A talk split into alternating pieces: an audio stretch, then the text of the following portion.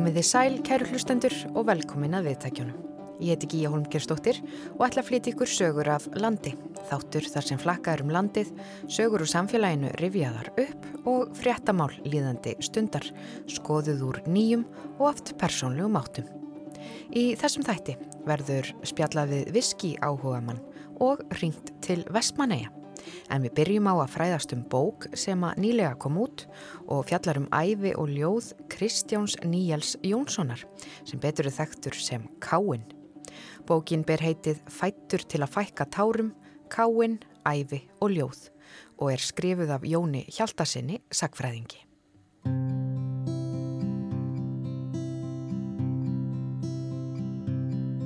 Þegar vetur víkur frá og veðrið fer að hlýna þá er fögur sjón að sjá. Sólina okkar skína. Dveljir þú í dag og dá. Dagum sláttar leitið þá er fögur sjón að sjá. Sólina skín á kveitið Káinn er akkureringur skáld og vesturfari.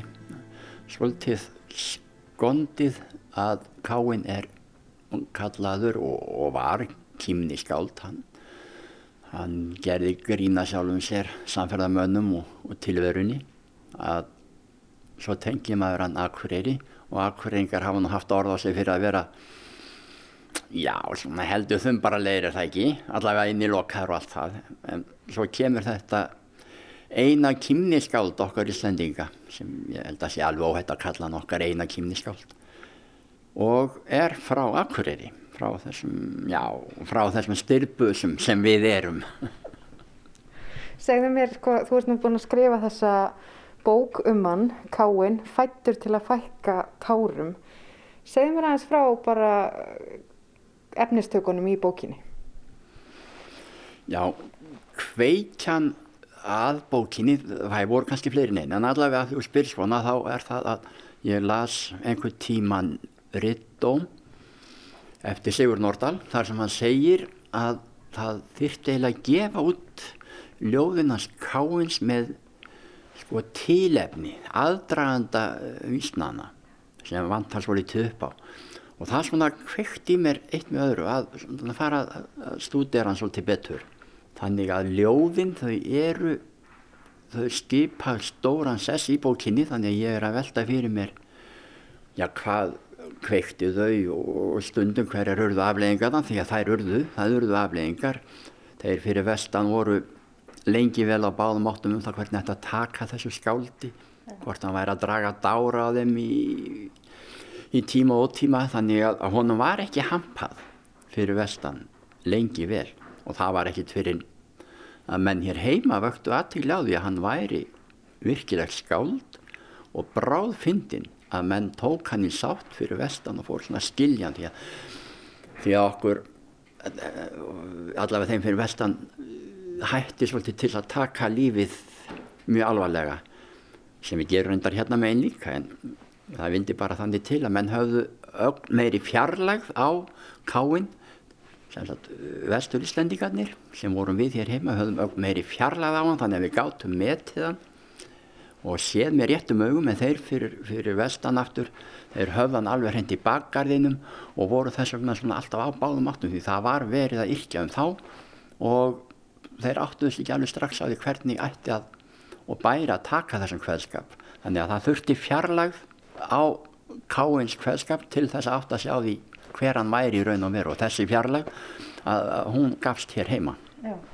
En segðu mér aðeins frá þessum manni áður en hann fer vestur um haf, bara bakgrunnur Káins. Já, Kristján Níels og, og var svonur Jóns, Jónssonar Jársmis, hann bjófið afskaplega erfiðan uppvöxt hér á Akureyri, er alveg óhætt að segja Fæðir hans var, var mikill eh, drikkjuberserkur og, og, og drakk illa og varð illur með víni þannig að hann var ábyggla mjög erfiður í heimili og þar var fátækt og fæðirinn hann svona mm, hann var í ársmiður og hefði alveg geta sko lifa sæmilegu lífi og geta framfleitt fjölskyldunni. En vegna drikkjusíkinnar þá fór hann illa ráði sínu þannig að, að börnin hafa öruglega soltið lengri eða skemmri tíma og er reynda til mjög átakalinn frásagn af því þegar móðir Káins dó að þá samkvæmt þessari frásagn sem er væntalega komin frá sko, Káin sjálfum að þá var þetta þannig að, að hún eiginmaður var í burtu hefði farið eitthvað vestur í Skagafjörð og hún átti ekki neitt að gefa börnunum fór til bæjastjórnar eða síslumanns hann að hvort eða og, og leitaði á sljára en fekk enga hjálp. Síðan var komið að henni e, einhverju síðar og þá lág hún dáinn í rúmi og yngsta barn, með yngsta barni á brjósti. Þannig að, að þetta svona segir sína sögu um ástandið á heimilinu og ég uh, já ég veit ekki hvort að þetta er rétt frásögn en, en, en ég drega hann ekkert í efa heldur. Þannig að, að, að Káinn bjóði þessar aðstæður alveg þangað til hann var fermdur þegar móður hann stó sko rétt áður en hann var fermdur 14 ára gammal en þá fór hann í sveit og þar hefur hann ábyggilega haft, haft nóg að borða og, og reyndar þá bændurnir þetta er, þetta er mjög skemmt til þetta að hugsa til þess því að hann er sko 14 ára fyrir hann í sveit og þeir bændur átt að sjá því að þetta er alveg einstakur pildur hann, hann man allt, hann, hann er enga stund að læra vísur yeah. og, og þeir hafa hann með sér svona, þegar þeir eru að mæta safna saman á, á góðum stundum þá hafa þeir strákinn með sér og svo er það þeir blindfullir og, og er svona yrkja og síðan einum, tveimundum dögum síðan þá koma þeir hitta káinn og spyrja, já hvað sagði ég nú, viltu nú segja mig hvað, tókst mér vel við yrkingarnar? Og þá fór strákurinn með þetta sem að fyrir það og, og veitt ekki af því að þeir drukku sér auga fulla og myndi ekki neitt. En þá var káinn, þá var hann svona eins og hann var fundagerinn þeirra, lífandi fundagerabók En var hann sjálfur farin að yrkja á þessum tíma? Já, hann hefur ábyggilega verið byrjar á því en það fer mjög fáum sögum af þessum fyrstu yrkingum að senn en alltaf sé ekki eitthvað nýju ára þegar hann yrki fyrstu vísun en, en síðan vitu ósku blítið um yrkinga fyrir en fyrir vestan Já. Í hvað, hvert fór hann í sveit? Hann fór hér, var í, á Jódísarstöðum, hér handan eigafjörðar ár og síðan var það vinnumæður inn á Garðsárdal og þaðan fór hann vestur 19 ára, þannig að, að hann er í vinnumennsku og ég veldi því oft fyrir mér sko, það var ekkit frítt að fara vestur og vinnumenn voru ekki á neitt sérstökum launum þannig að, þetta er svona svolítið spursmál hvernig fátækir vinnumenn urðu sér, já og vinnukonur urðu sér út um peninga til að borga fargjaldi vestur og ég held að svarið liggi í því allavega hjá Káin og held ég ótal fleirum að um þetta leiti þá eru að koma hinga enskir kaupmenn og þeir er að kaupa söðfí og, og reynda að hrossa eitthvað líka en aðalega söðfí og þeir borga fyrir -huh. með klingjandi gulli þannig að ég held að káinn hafi átt einhverjar skeppnur og geta selt og þannig komist vestur en sumir fengur náttúrulega senda peninga að vestan en, en svona til að byrja með þá voru þeir fyrir vestan ekkert heldur aflögu færir. Þannig ég held að þetta sé megin ástæðan fyrir því að menn já, bara yfirleitt komist vestur. Það er að segja að þetta fátaka vinnufólk að það átti þrátt fyrir fátaktegin það átti það margt hvert skeppnur að selja. Já. Svo fer hann vestur uh, og sest þar að 19 ára gammal hvað enkendi svo lífans eftir þessa brottflutninga frá Íslandi? Það er lausamennska hann er, er verkamaður alla sína tíð og þegar hann kemur nú hann vestur þá er hann í, í, í Winnipeg og þar gengur hann til allra verka og þá náttúrulega verstu verkana ja. mokstur og byggingarvinna og, og því að hann komst fljótt upp á lag með það að hlaða hann kunni það einhvern veginn ég veit ekki hvort hann hefur jafnvel lært það eitthvað hér heima en, en fyrir vestana þá var hann svolítið þekktur fyrir það að geta hlaðið skorsteina og, og veggi og, og, og eflust hefur það orðið til þess að hann var ráðinn þegar hann fór yfir til bandaríkjana að þá varðan þar já, umsjóna maður kirkjugarsin sem hefur líklega verið vegna þess að hann gætt annars um leiðin. Hann náttúrulega gætt mokað tekið grafir en hann gætt líka hlaðið. Þannig að, að, að hann gætt gengið frá leiðum eins og menn vildu En hvað með skáldskapin fyrir vestan? Var þann strax þetta kýmniskáld eins og segir eða þróaðist það með honum eða hvernig, hvernig þróaðist hans ferill í skáldskapin? Já, hann, hann, hann var strax byrjaður að leika sér að orðum og, og þessi orðkingi hans er mjög ábyrrandi og hann, en, en eins og ég sagði að, að þessar fyrstu yrkingar þær eru þannig að menn átta sig ekki alveg á því hvað hann er að, er að segja hvort hann sé að draga dáramönnum eða hvað þannig að, að það fer tiltöla lítið fyrir þessum kveðskap. Hann treður upp tvísvar á svona stórum samkomum annar í, í, í Winnipeg og síðan nokkrum árum setna í Duluth í, í Bandaríkjónum og í bæði skipti þá fer hann með svona mikla kvæðabálka og menn, svona, menn hrista höfuð og er alveg á báðum áttum. Er hann, hvernig hefur við að taka þessu er hann eitthvað að gera grína okkur bölvað maðurinn eða hvað? Þannig að, að, að það er eitt um, um, um, hann er að vera sextur þegar menn loksins taka hann í sátt. Þannig að hann yrkir ábyggilega allan þennan tíma þótt að það sé ekkit að byrtast það er ekkit fyrir neftir já, 1915 að hann fer að, að fá og eftir 1915 að hann fer að fá byrt í Íslandikablóðunum fyrir vestan. Og þegar hann er orðin svona viðkendara skáld þarna um sextugt hvað á hann þá langt eftir? Hvað, hvað verður hann gammal? Já, já þetta er nefnilega erfiðari spurning en þú heldur. Því að 1935 þá heldur hann upp á 75 ára amæli og hann dó árið eftir. Þannig að, að hann átti jú, þessi hvað þetta eru 20 ár um það byrj, tæp 20 ár. En, en það sem ég var að í að er að sko hann er nefnilega fættur 1859 heldur upp á 75 ára amalið 1935 þegar hann er í raun og veru ári eldri. Ja. og þeir gerðu þetta báðir, hann og Jón, bróður hans að þeir, þeir sko yngdu sig um eitt ára af einhverjum ástæðum. Ekki en þá átta mig á afhverju hvort hann er bara að grínast eitthvað og þeir báðir eða, eða hvað þetta var en allavega hann á þarna 15-20 ár mjög góð þar sem er sólst eftir honum og hann verður mjög vinsæl þótt að reyndar hann hafi kvartað yfir því þegar hann gaf út ljóðabókina þá var hann orðið mjög vinsæl þannig að hann held að myndi nú geta gefið út bók og svona komist sæmilega frá því. Að það gekk miklu verið en hann átti von á með að selja en sem er 1920 sem bókin kemur út. En einhvað síður þá, þá held hann áfram með yrkja og var mjög vinsæl og blöðinn, bæði Laugberg og Heimskringla, sóttust eftir að fá frá honum hvaðskapi. Þannig að, að það er alveg fram á, alveg fram á dánarár sem hann er að byrta og þau eru að sækjast eftir og byggja hann um vísur. Já.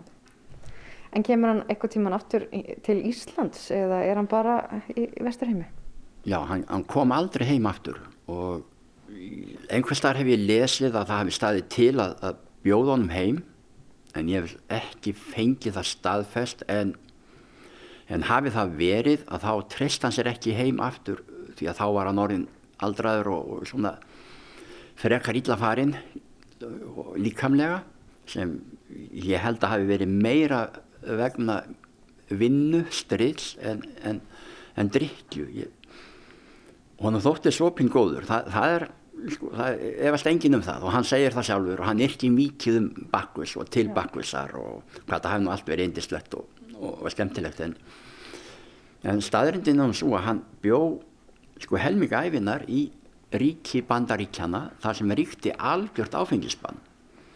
Þannig að það já fyrir vikið á hlaut það verða erfiðara fyrir hann að, að ná í áfengi þótt að það væri vel hægt því að menn voru náttúrulega í brugginu en en laurglan var á höttunum eftir bruggurum líka þannig og menn voru gripnir og, og dæmdir og jáfnvel káinlentir svona vesin út af, út af því en, mm.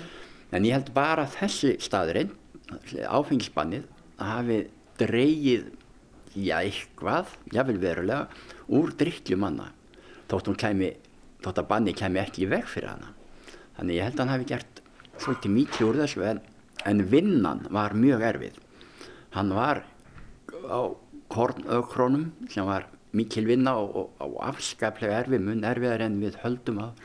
Hann eru græjurnar að koma til, til skjálana en, en samt ekki. Og svo náttúrulega er hann gravari og það, það er svona æri stritt þannig að ég held að þetta hafi verið, verið vinnan sem var farin að líjan sem undir lokin og, þess vegna hafa hann sé það rétt á hann hafi verið búið að það hafi staðið til að þá hafi það verið þá hafi líka minn bara verið að gefa sig vegna þess hvað hann var búin að, að strita mikið Já. Eh, það var nú söknuður sem að einkendi marga þeirra sem fóru til Vesturheims og snýru margir hverjir aldrei aftur og það er einn vísa í bókinni sem að lýsir þessu svolítið vel. Þessi hérna. Já, þetta er, er vísa sem hann skrifaði á og sendi með ljóðabókinni sinni hingað heim til Akureyrar. Mér eins og öðrum fleiri, ættur tínd og glemt, samt er gamla Akureyri enn í huga geimt.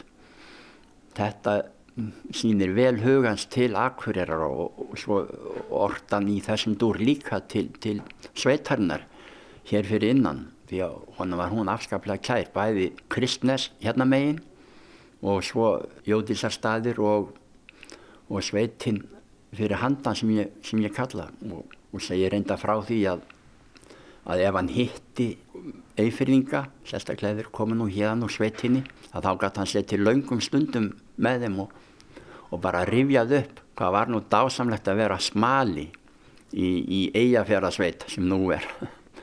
Þannig að hann átti, hann átti mjög góðar minningar hérna líka þótt að ég hafi nú verið að hann segja frá því hvernig dauða móður hans bara að og það er eitthvað sem hefur sett til í honum með öðru og náttúrulega ég held líka með föðurinn að hann var þessi drikkjumadur hann kom ítla fram drukkin en þau segja það börnin sem hann umgegst káinn eftir að hann var orðin svona miðaldra og eldri maður mm -hmm. að hann hafi gætt þess mjög vel að þau sæju hann ekki drukkin og alltaf ef hann kom heim drukkin að þá fór hann beint upp í herbergi sitt og þar var hann bara á meðan var að renna á hann hann let þau ekki sjá sig þannig að, að ég held að það sé ég með vegna þess hva, hvaða minningar hann átti ja. og vissi vel hvað þetta gatt verið, verið sárt fyrir barnið að, að sjá fullorðið mann já, meður og minna bjargarlösan og ég vil vondan við vín.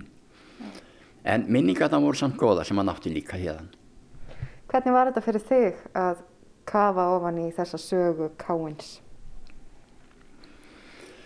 Þetta var afskaplega skemmtilegt og, og fróðlegt fannst mér því að það er þessi kveðskapur hann sem mér fannst opna eiginlega sko, nýja sín á vesturísendingin og þetta líf sem þeir lifðu fyrir vestan. Mér var svo gaman að skoða þetta með augum káins. Þetta átta mig á því má tilefni þessara vísna sem aftur vörp, varpa ljósi á lífið sem, sem menn lifðu þarna og hver, hver lífsbaráttan var og hvað þeir voru nú já, ótrúlega deilu gjarnir. Ég held í og með að þessi deilu fík þeirra fyrir vestan hafi sko örfað káinn og, og, og kveikt enn frekar í honum. Að leika sér svolítið með orð og tilfinningar og ögn að gera grín. Því að þetta hann fekk svo mörg tílefni hann var sjálfur ekkert að hann tókst aldrei á við nokkurt mann að heiti geti en hann hafði gaman eða standa svona á kantinum á hliðalínunni og svona leggja orði í belg og gera það með þessum kímilega hætti. Þannig að ég held að, að hann hefði jafnvel ekki orði þetta kímniskáld ef hann hefði verið hér heima hann hefði allaveg ekki fengið öll þessi tílefni til að gera grín sem hann fekk fyrir vestan sem voru ótrúlega mörg og ég hafði bara hreinlega ekki að átta mig á fyrir en ég fór að, að skoða káinn ofan í kjölinn hvað er landar hans gáðum ótrúlega mörg tilefni til að, að já, vera með svona svo litið kímilegan kveldskap sem að takja nú ekki dýpra í árinni. Já, þetta er vissilega áhugaverður eh, persónleiki Káin. Takk fyrir þetta spjall Jón Hjaldarsson. Já, takk sem við leiðis.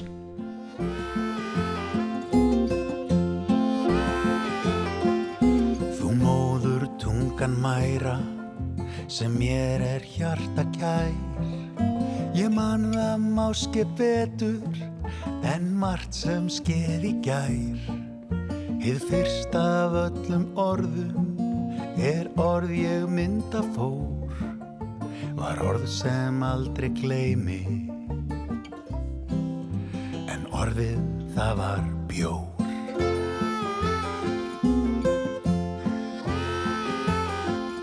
Svo flúð ég feðra grundu, mér fannst þar allt og þurrt. Að leita fjár og frama, ég fullur sildi burt. Af hafi hinga komnum, mér heimur byrtist nýr. Þá lærði ég orði ennsku,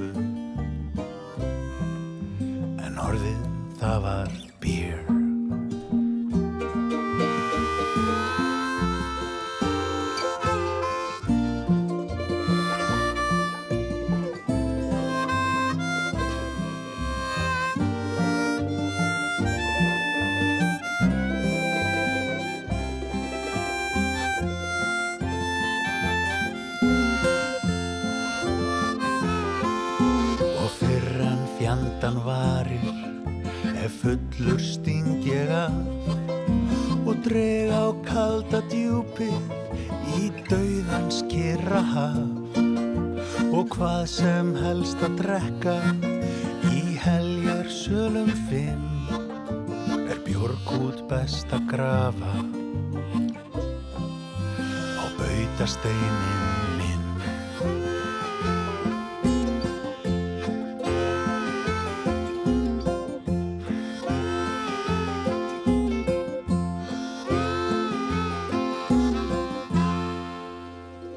Þarna sagði Jón Hjaldarsson frá Káin, vestur Íslendingi og Kimniskáldi.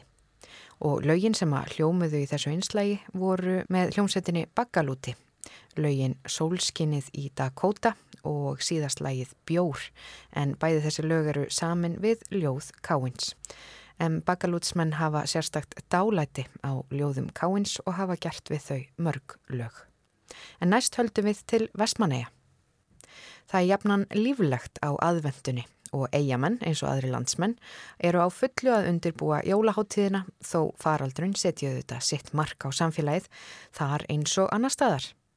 Í Vestmannegjum er mjög lífleg fjölmiðla flóra og hvorki fleirinni færri en fjórir staðarmiðlar eru starraktir í þessu ríflega fjögur þúsund manna samfélagi.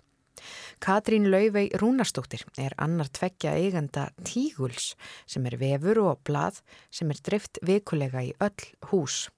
Ágúst Ólafsson ringdi til eiga og spjallaði við Katrínu um lífið á aðvendunni. Kata, Blessu, þetta er Ágúst. þessu. Hvað segja eigamenn núna á aðvöndunni? Eigamenn, þeir eru nokkuð sessir hérna yfir höfuð, trátt fyrir allt ástandið. Við erum hérna, tækjum þetta mjög vel, allan að okkar mati hér, já okkar fjölmiðlega, þá sjáum við hérna bara út frá þessu við erum út um allt hérna, að taka stöðuna á bæði fólki og, hérna verkefna eigundum og að það er, öðru, allt, er allt öðruvísi, aðvendan er skrítin og öðruvísi, en uh, við tökum þetta samt með gleði hjarta og erum að hugsa út fyrir bóksið og reyna að hafa sem mesta úrval og, og nógum að vera. Vestmannegingar fengur náttúrulega yllilega að finna fyrir koronavirunni hérna í, í, eh, í vor og svona framöndir, framöndir sumarið og, og þannig að þið eru reynslunni ríkara hvað það var þar. Já, heldur betur. Við lærðum heldur betur hressilega af þessu í fyrstu fylginni hérna og hérna, eigin bara lagðist svolítið mikið. Og þegar þótt að þú varst ekki greindu með smitt þá, þá hjælt maður þeim bara heima meira og minna í byrjun. Og hérna, skólar lokuðu og það var bara, tókum þessu rosalega alvarlega. Og við lærðum alveg rosalega af þessu. Og í dag erum við held ég, eins og maður segir, reynslunum ríkari. Og kunnum að meta og erum minna að ferðast í borginna til dæmis að því að það er mikið smitt þar og þá bara er maður ekki að sækja, sækja í það, alls ekki og eru meira verkli heimabið og meira heima og gera meira úralliðin heima. Já. Með eru hérna, af því það er alltaf engin ekki jóla búað eða hátíðar hjá fyrirtækjum, eitt svoleiðs í gangi náttúrulega, hlaðborða neitt þannig, en það sem að fyrirtækjum eru að gera í staðin eru að halda Zoom eða hvað heitir alls saman á netinu, jólabingo og það eru spurningardæmi og rosalega skemmtilegt og þannig að fyrirtækin eru allir heima á sér, hverju, hérna, enginn er að koma saman heldur það er að hópanir eru bara að hittast á netinu og eru að halda samt sem áður, svona eru jólabingo og spurningar og alls konar leiki og skemmtilegt Já. sem er frábært. Er eitthvað sérstakt í Vestmannegjum og aðvendinu svona einkennandi sem að, sem að þið eigið bara og engir aðri landsmenn? Já, þetta er svona góð spurning. Sko, sérstakt er það að allavega maður finnur það að það er allir rosalega samhuga og saman í öllu. Það er allir, haldast í hendur allir vinir, allir að hjálpast að. Það er mikið verið að hugsa um náungan og eins og bara kannski margir gera en, það, finn, við finnum mikið fyrir því hér. Það er alltaf að hugsa um að hjálpa stað. Og sko eitthvað sérstakt, já, veit ég ekki alveg hvort að það er kannski eitthvað sem þetta er akkurat ekki hug núna en það sem er að gera hérna til dæmis vegna COVID, þú veist, þá bara í ár þá er til dæmis að því ekki má fara í skólana og á leikvættin og allt þetta sem er að gera þá er grunnskólinn með frábæran jóladagatal og, og með YouTube myndbönd af hverjum bekk fyrir sig og hverjum degi er alltaf nýr bekkur sem er með svona leikvætt og skemmtilegt og fræðslu til aðra sem við erum til dæmis að deila áfram bæði þegar að deila út frá heimasíðu skólans og eins er alltaf tígull að sjálfsögðu að segja frá þessu líka hverjum degi. Að og eins eru, eru hérna allar vestlanir hérna, flest allar vestlanir eigi með jóla glugga dagsins og þá er hver einn ein, ein vestli með einhvern skemmtilegan afslátt í gangi. Og hann, hann, það er svona það sem er að gerast núna aðvendinni svolítið það, svona öðru vísi Já, en tölum að þessum tígul eh, þennan fjölmiðli sem að þið sem að þið rekið og, og eru búin að gera í nokkuð tíma, ég sé búnar vegna þess að Ég allavega þekki bara til ykkur tvær sem eru á bakvið. Hvað eru margir á bakvið fjölmiðli? Já, það, bara, það er bara ég og Lind Hrafstóttir, við erum tvær sem að hérna, ákváðum að skella okkur í þetta skemmtilega verkefni sem er búið að heldur betur vindu upp á sig. Þetta áttur náttúrulega bara í byrjun að vera viðbörða síða á miðill og upplýsingar og svona. En svo bara þróaðist það hægt og rólega út í bara hardcore bladamennsku mm. en hérna bara skemmtilegt og við hérna gefum út blad einu sem í viku sem fer frýttinn á öll heimili og fyrirtæki í eigin og dreifist um postunum og hérna og svo erum við náttúrulega með vefsíðuna tíur.is sem að við erum rosalega blöður og duglegar að setja allt það sem við erum að vera og alla frettir og allt, bara það sem allir fyrir að vita um vestmannar er þar Og uh, Þetta er nú mættilega, það er snúið að reyka, reyka fjölmiðil og, og hérna tala ekki um kannski ekki starra samfélagi en uh, ég held að eiginmunum finnist það ekki vegna þess að það eru, það eru ótrúlega margir fjölmiðlar og, og lokalmiðlar í Vestmannu. Já, við erum uh, fjóris miðlaðis, uh, er þrjúblöð og, og hérna þrýr, þrýr hérna, fjárðafsýr Þannig að þú veist, það er alveg samkeppni og ég held að það sé bara besta mál að, að þetta drýjum mann áfram að hafa góða samkeppni er alltaf bara frábært. Mm. Og það týðir ekkert að slaka á, það er alltaf nóg að vera og það er líka góða við Vespanæjar, það er alltaf fullt um að vera, það er, það er alltaf eitthvað. Þú veist, ef það er ekkert um að vera þá búum við eitthvað bara um að vera, þú veist, þetta er núni kóð. Það er bara, við erum bara þar, það er ótrúlega skemmtilegt. Er það að tegja ykkur eitthvað út fyrir eiguna í, í hérna frettalutningi? Já, að segja frá, já, já, já, við, mér finnst allt sem að, mér, okkur finnst áhugavert og allt sem að við höldum að vestmælenga þurfa að vita, það segjum við frá. Við erum alveg að segja frá hlutum sem að er að gerast í borginni eða fyrir norðan eða hvað sem er. Við segjum frá öllu, okkur finnst gaman að segja frá öllu jákvæð og skemmtileg og við, erum, við gerðum það í upphafi strax að, að setja það markmið að vera frekar jákvæðar, hafa gaman að þessu og sem er alltaf líkilatrið að því að veist, okkur fannst og finnst ennþá að fjölmjöla verið oft mjög neik, ef það er oft mikið neikvæðin í gangi. Það virðist vera þannig að mest lesnu fréttunar eru oft neikvæð fréttunar og erfið fréttunar. Það virðist ekki aðtikli mest til miður, það er þannig. En við erum að berjast og reynum alltaf að vera með eins mikið jákvæðni þó að þetta erfið að kynna sjálfsögðu inn á milli sem við verðum alltaf að segja frá. En við reynum að vera yfir höfu bara jákvæðar og fessast á gaman lífun. Mm. Eh, eru allir fjölunarnir, eh, sko þess að dreifingin á þeim eh, bundni við vestmanniðar fyrir eitthvað að blöðunum upp á land? Já, okkur er, hérna, við erum alveg með svona eina gæðslepa áskrifundur, við erum, hérna, sendum upp á land til þeirra sem hafa bara sendt okkur og beðið okkur um það og hérna við ekkert sem höfum ekkert að marka sér okkur mikið fyrir það en við sendum bara, látum fólk bara borga frímerki og sendum kostnað og það fær blæðið eða vill. Mm. af því að tíu til dæmis er inn á netinu náttúrulega líka, það er fríblað og það, það fer líka inn á tíkur.is sjálf blæðið, það er það lest á netinu. Það er framtíðin náttúrulega er netinu en það verðist vera ennþá held ég staðan í dag ennþá þannig í allan að bæjarfylgjum eins og okkar. Þá vil fólk ennþá fá bæjarblað í hendunar og lesa og við til dæmis, hérna, það er oft svona fröytið og gaman að gera alls konar þó að það sé líka skemmtileg og málefnileg efni í blæðinu, þá eru við líka með svona alls konar skemmtilegt. Eins og til dæmis erum við pálta töl í blæðinu, alltaf 42, það sem er tala mín sko, þess vegna erum palin í blæðinu og þarf að finna hana og senda okkur skjáskott og þá fer við í rísa pottur með svona jólapott í gangi, mm. þannig að þú veist það er alls konar svona skemmtilegt, þannig að fólk bara afþreng, blæðið okkur er líka bara afþreng. Mm það er akkurat en það er ímislega að gera á aðvendunni og, og, og þú segir að þið, þið kannski farið lítið upp á land svona í, í þessu ástandi núna en er þá ekki sára fátt sem að sykli með herjóli og, og flýgur með, með erni í, upp á land? Jú, málið er náttúrulega í dag er ekkert flug í Vestfannum þannig að búið að berjast við því það er bara erðnir eh, tóku pásu því að það er bara búið að vera ekkert nótkunna á flugi til miður er mjög vond að hafa ekki reglulegt flug en það er nú að komast í lag, skilsmir og síðast að bæjarfjöldafundi var einmitt rætt um það það er búið að ákveða það að koma svo staðaftur og það er bara að leita tilbúið með flugi. En hérna herjálfur, jú það er það alltaf vilt fólk, alltaf eitthvað rennir í á milli, en klárlega miklu minna heldur hefur verið og það er mjög erfitt líka fyrir rekstur herjáls af því það ekki er fólk að koma hinga og mikið og ekki eru mikið að fara upp á land en það er alltaf eitthvað rennir í öllum ferðin En ég heyr að það er þrátturir þetta allt saman að þá er eigamenn eigamenn hressir og, og undirbúið jólinn á fullu.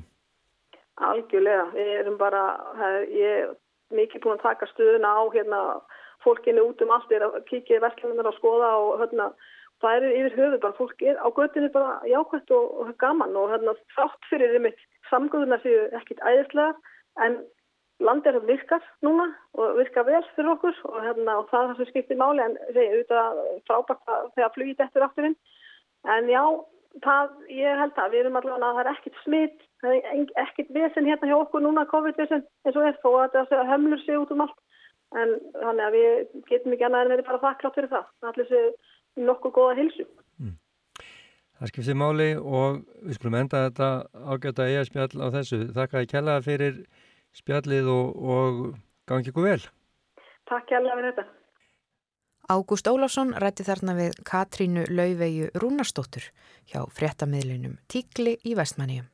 En því næst ætlum við að forvitnast um áhugamál sem að hefur svo sannarlega undið upp á sig. Við förum í heimsokk til málaramestara í innbænum á Akureyri.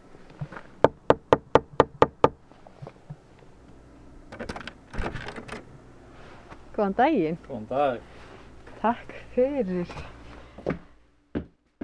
Já, ég heiti Snorri Guðvarsson og ég er málaramistari. Það er svona mitt aðalstarf og er reyndar nánast engöngu í friðuðum húsum, kirkjum og fyrir þjóðminnesafnið og eitthvað þannig, út um allt land. Já.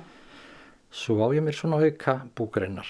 Önnur er náttúrulega bara spilamenska síðan ég var bara áttjánið eitthvað svo leiðis, er enn að spila Og þú varst að tala um að spila á hljóðfæri og í hljómsveitum. Já, ég er að tala um það. En hinn, hinn aukabúkarinn, hún er, hún er bara sko, það er orðið einhver 15-16 ár síðan að það byrjaði. Og það er viski sem að, sem að bara náði mér alveg gjörsamlega. En hvað kom til að þú byrjaðir á að gera svona e, viskið að þínu áhugamáli? Það er, það er nú einlega kannski svolítið skrítið en, en sem sagt ég varði einu sinni 50-ur, þannig voru svolítið síðan og þá fekk ég mikið af alls konar, alls konar vín í amaliskjöf, viski, rauðvin, kvítvin og konjak og alls konar. Þetta fór bara upp í skáp því að á þeim tíma þá bara drakk ég ekkert, þannig lagað sko. Það er farið nokkuð partí um æfina en bara nokkur. Spilamesska er bara vinna og það var aldrei, aldrei neindrykja hjá mér þar. En það sem að dregu mig svo inn í viskið voru, voru þessi skrítnu nöfn á flöskonum. Okkentosjan, Lafroig og eitthvað svona óskiljanlegt. Og það, er, það tengir beint við svona áhuga mál hjá mér bara í gegnum lífið, landafræði og sögu. Þannig að það, það byrjaði þannig og, og fyrsta flaskan sem ég tók til skoðunar var, var Lafroig flaska sem er dalti mikið reykt viski og kemur frá eigi sem heitir, það skrifað ESLA-Öfsilon eða AILA voru fram. Sem er tengið þannig beint við viski. En það, já, það er eins og ég sagði það er mjög reykt. Og það er fyrsta viski sem að ég smakka. Það er sko, þetta er einlega svolítið eins og að, fara inn um kjallaradeinnar sko eða eitthvað þannig. Að byrja á mjög reyktu viski. Það er einlega vittlis endi að byrja á En þú varst enga síður eh, húgt á þessu sem áhuga máli. Já, algjörlega. Það, það bara ég stinnlá fyrir þessu. Mm -hmm.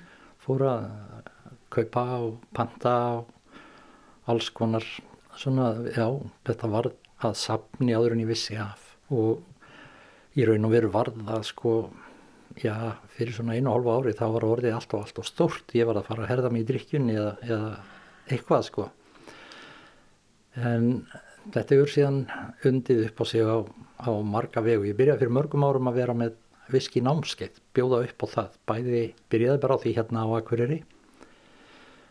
En síðan hefur þetta nú verið út um all land, ég verið vestur og fjörðum fyrir sunnan, tölvöld fyrir austan líka. Og svo bara hérna í kring það verið vinnuhópar til dæmis eða, eða einhverju þannig hópar skiptir ekki máli. Og svo hefur þetta verið líka í í sko svona skólum sem að svona brúa fyrir fólk mm. til að komast bæta við sig eins og, eins og farskólin á Söðokróki og Símei hérna á Akureyri og eitthvað þannig Já. og þar hafa verið mjög skemmtileg námskeið og þekkingan er þingenginga líka þetta er, ég, ég fer bara Já. alltaf til ég að ferðast En þú, einmitt, talandum að ferðast og þú sagðir að, að, að það að uh, já, landafræði og, og, og svoleiðis ferðalög hafi tvinnast inn í þetta áhugamál. Hvernig hefur þetta, fyrir utan það að þú ert að ferðast hérna innanlands, hvernig hefur þetta tengt þig út í kannski þennan viski heim erlendis? Já, það er náttúrulega, það eru, það eru öll eimingarhús með heimasýður, þannig að það getur maður skoðað og einmitt að því vorum að tala um Lafroig, þeir, þeir eru svolítið sérstakir að mörguleiti að hérna, eitt af því sem var bóðið upp á þar á þeirra heimasíðu er að, að þú getur keftir land hjá þeim.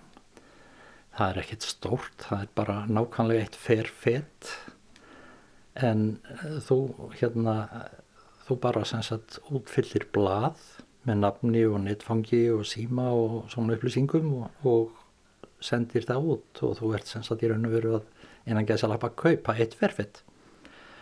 Þú fær tilbaka alveg um leið svarbrif, svona skrautritað til að hengja upp á egg að þú sért orðin landeigandi. En Lafroig þeir sko, þeir leia af þér þetta ferfett alveg um leið. En til að innheimta leiguna þá þarftu að mæta á staðin, þá færðu þau sem sagt glas af Lafroig og þú fær líka kassa með dóti og, og íslenska fánan og getur farið og látið taka myndaðir á þínu ferfetti fær stífvel sem eru size 12 sem að, sem að sko það passar svona til að mæla út ferfett um, það er eitthvað svona sem að er alltaf gaman að, að sko velta fyrir sér. Já, og þú ert þetta búin að fara uh, og vitja landsvins eða hvað? Já, ég er búin að því og en svo bara það, það eru allar heimasýður með skemmtilegar upplýsingar. Það er ekkit allar með þetta en þú getur, þú getur kipt flöskur með nafninu þínu á og jafnvel mynd. Þetta, það eru góðar hugmyndir að, að afmæliskjöfum til dæmis. Já. en svo kannski það sem að það sem að svona ítti þessu yfir í skemmtilegan farveg þar sem að maður er ekki bara einn í tölfunni og eitthvað þannig sko. Það var að, að sagt, fyrir um, tveimur árum, tveir, tveimur og hálfu ári þá stofnum við hérna Maltviski félag Norðurlands hérna á Akureyri. Ég og, og fjórir aðri strákar ég geti reyndar verið sko pappir allra eða, eða jafnvel afi ef allir hefur nú byrjað tímanlega. Og, og mér er segið eittir að er nú er gammal nefandi minn úr grunnskóla sko, það er mjög skrítið að vera saman í stjórn Maltvíski félags með, með þeim svonum sko. en þetta er alveg dásamlegu félagskapur. Og við erum, við erum með fundi fyrsta miðgudag í hverju mánuði og við erum niður á veitingastaf sem heitir Vitin, er hérna lengst niður á Eyri. Og við gerum þetta svolítið skemmtilegt, þetta er svona svolítið tveir fyrir einn það er að segja við samtum við veitingamannina við fáum mat klukkan sjö og svona flestir gera það fara, fara og fá sér að borða. Og klukkan átta setja fund og hann er í svona tvo tíma, tvo pluss kannski. Og þá er, þá er open bar hjá okkur og við erum með svona 40 flöskur opnar og það fyrirkomulagið er þannig að sem sagt aftan á hálsinum þar er verðmiði hvað, hvað hver sjús kostar. Það er ekki alveg sama verðlagið og á börunum. En uh, síðan bara þegar kvöldið er búið þá, þá borgar hver og einn bara það sem hann er búin að, búin að fá. Mm -hmm. já. og já þetta er sem sagt fyrsta fyrsta miðgudag hvers mánuðar nema náttúrulega núna. Nú er allt í, í vesenni og við vorum, við vorum með svona zoom-fund á miðgudagin var og þá dreifðum við litlum flöskum, svona miniatúrum á, á alla sem að vildu vera með á fundinum það stóð ekkert hvað þetta væri ég, ég er svolítið gaman á gelískunni og ég setti svona hint á gelísku en, en sagði það samt ekki hvað það var og síðan er bara spjallað og allt það og þessi hluti af fundinum var bara í að smakka og, og geta sér til og nálgast hvað mm. þetta væri sko. Já, já. En hvernig tókst þetta til svona í gegnum tölvu og, og súmið? Það tókst reyndar alveg bara frábærlega. Við erum búin að vera með tvo súmfundi og, og ég sagði búinn. Það er, það er nefnilega, það er fullt af stelpum hana líka. Sko. Já, það? Já, það er. Man, manni, þetta er það kannski ekki í hug. Þetta er kannski einhverju svona staðalímyndir sem maður hefur. Já, ég, ég áttaði með á því. Það var best að nýta þetta. Já. Því að við, við sko, mér er að segja, við settum einhvern veginn meiri segja inn í, inn í fyrstu lög félagsins. Áherslu á að reyna að fá fleiri stelpur, meira af hvern fólki inn í hópin og sko árið síðar þá setti eitt félagin út á þetta, þetta var í kynja misrétti og, og, og þannig. Við, við bara lögum það en við, það er alveg, það er fullt á konum hann sko, á öllum aldri En hvernig er bara, það, þú ert þarna í Maltviski félagi Norðurlands, en hvernig er svona, er ykkur uh, samtök svona sem ná yfir landið eða hvernig er, er ykkur svona starri félagskapur?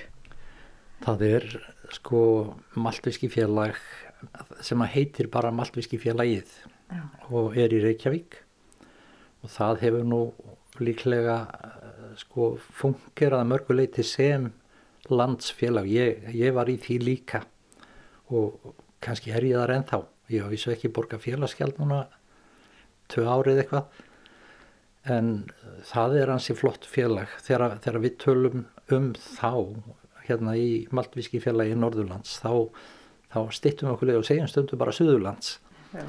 sem að hérna það er þægilegt. Það, þetta eru, eru mörguleiti lík félag þeir eru að vísu orðinir miklu miklu eldri heldur en við. Þeir eru frá síðustu öld. En félagið vantarlega já, ekki, ekki liðsmenninir þeir, þeir eru á öllum aldri. Það eru margir alveg indislega strákar þar sko. En svo eru fleiri klubbar sem, að, sem að eru ekkit endilega einu sinni með nafn. Ég hef kynst einum öðrum í Reykjavík sem heitir Viss Ski mm. sem er, er kannski partur af áhrifum. Það myndast einhver viss skí en ég, ég var einu sinni með þeim á fundi á Hotel Borg það var afskaplega gaman Já. svo eru alls konar klúpar bæði hér á Akureyri og, og bara út um allt sko bara minni En hvað áttur núna margar flöskur? Hvað, hvað telur safnið? Sko, ég þóri nú alltaf að segja það en, en fyrir þetta einu og hálfa ári eða eitthvað svolítið, þá var ég spurður að þessu líka. Þá fór ég að telja og þá voru flöskurnar 407. Það, það, það er bara, þetta er náttúrulega bílun eins og einhver sagði hér einhver tíman. En það er, ég vinn margvist að því að, að fækka þeim núna núorðið sko. Hvernig er best að geima svona viskiflöskur?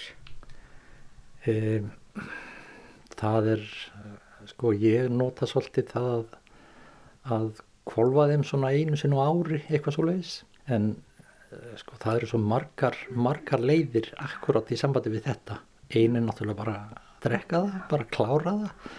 Annað er að, að bjóða einhverjum vinum í heimsókn eða gefa þeim svona afganga e, svo er það er svo margt annað hægt að gera ég bý til húsblöndu líka mm. og hún fyrir svolítið eftir í hvar á árinu við erum ef það er, ef það er sömar framundan þá er ég kannski með bara jafnvel búrbónblöndu ameríst, svona það er meira sætt.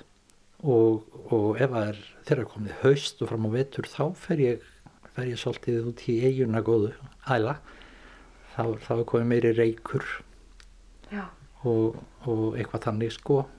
Vetrar viski þau eru það er meira hjá mér svona, svona sjávartingt þannig að manni líður kannski eins og maður sé að röltanir í fjöru samt sem aður kannski í svolítið svolítið hita þannig að sko rótnuninn og, og sjávarlektin og saltið þú finnur þetta alls saman. Soliðsflöskur sem að ég er gaman á að drekka svona e, já líka aðeins á haustin svona eins og, eins og bara síðla vetrar eitthvað þannig. Mm -hmm. Einn svona forvetni spurningi lo lokin, þú snýrði möllum og þú átt svona cirka 400 og eitthvað flöskur, hvað tekur þetta langan tíma að, að, að svona fara í gegnum safnið og hugsa um hverja einustu flösku og, og hérna, já, mitt að snúa og svona gæta að, að þessu? Alltaf sé ekki bara þann til ég byrja aftur? Nei, nei, það er það er, er engin regla á þessu, ég gerir þetta þegar ég man og ef ég, ef ég á eitthvað erindi og þarf að leita upp einhverja flösku eða eitthvað þannig þá, þá tek ég svolítið túr en þetta, þetta er sko þetta er í herbyrgi uppi, það er stór skápur með alveg fullt af flösku, það er skápur hér og það er kista inn í stofu og það er hérna hjá mér í tölvurinn og svo er niður á vestæði, þetta, þetta er bara þetta er náttúrulega pínu sjúklegt sko. En hvað er framöndan hjá Maltviski félagi Norðurlands? Um, það er framöndan sem sagt fundur hjá okkur í stjórnin í kvöld niður á vestæði og það, það er allt klárt í það það er, það er nóg af fundargögnum þar mm -hmm. um, á þessum þessum tíma hefðum við verið með jólafund og þá, þá hefðum við verið með hangikjött og einhverja svona smá tilbreytingu. Við höfum verið með hangikjött frá honum, hann Magni vinnu minn Áskersson og borga fyrir því eistra. Hann, er, hann hefur lagt til tvíreitt hangikjött sem pappans gerir og, og hann hefur grafið það í restina. Það er alveg ótrúlega gott meðviski. En eru þetta ekki dannaðar samkomur? Þetta eru í raun og veru mjög dannaðar samkomur og vera, vera með fundin á miðgudegi, það kannski segir líka dálítið því að við erum með miðri vinnuviku, við erum ekkert að fara, fara bara yfir strikið eða þannig sko. Yfirleitt gerir enginn það í, í svona félagskap. Þetta er mjög, mjög kultiverað. Takk fyrir spjallið og segja okkur frá þessu áhugamáliðinni Snorri Guðvarsson. Sem leiðist takk fyrir komuna. Þarna heyrðum við í Snorra Guðvarsinni, viski áhugamanni í innbænum á Akureyri. Og með þessu síðasta einslægi er komið að lokum í sögum af landi í dag. Tæknimaður í þessum þætti var Lítiða Gretarstóttir. Við þökkum þeim sem hlýtu. Lifið heil!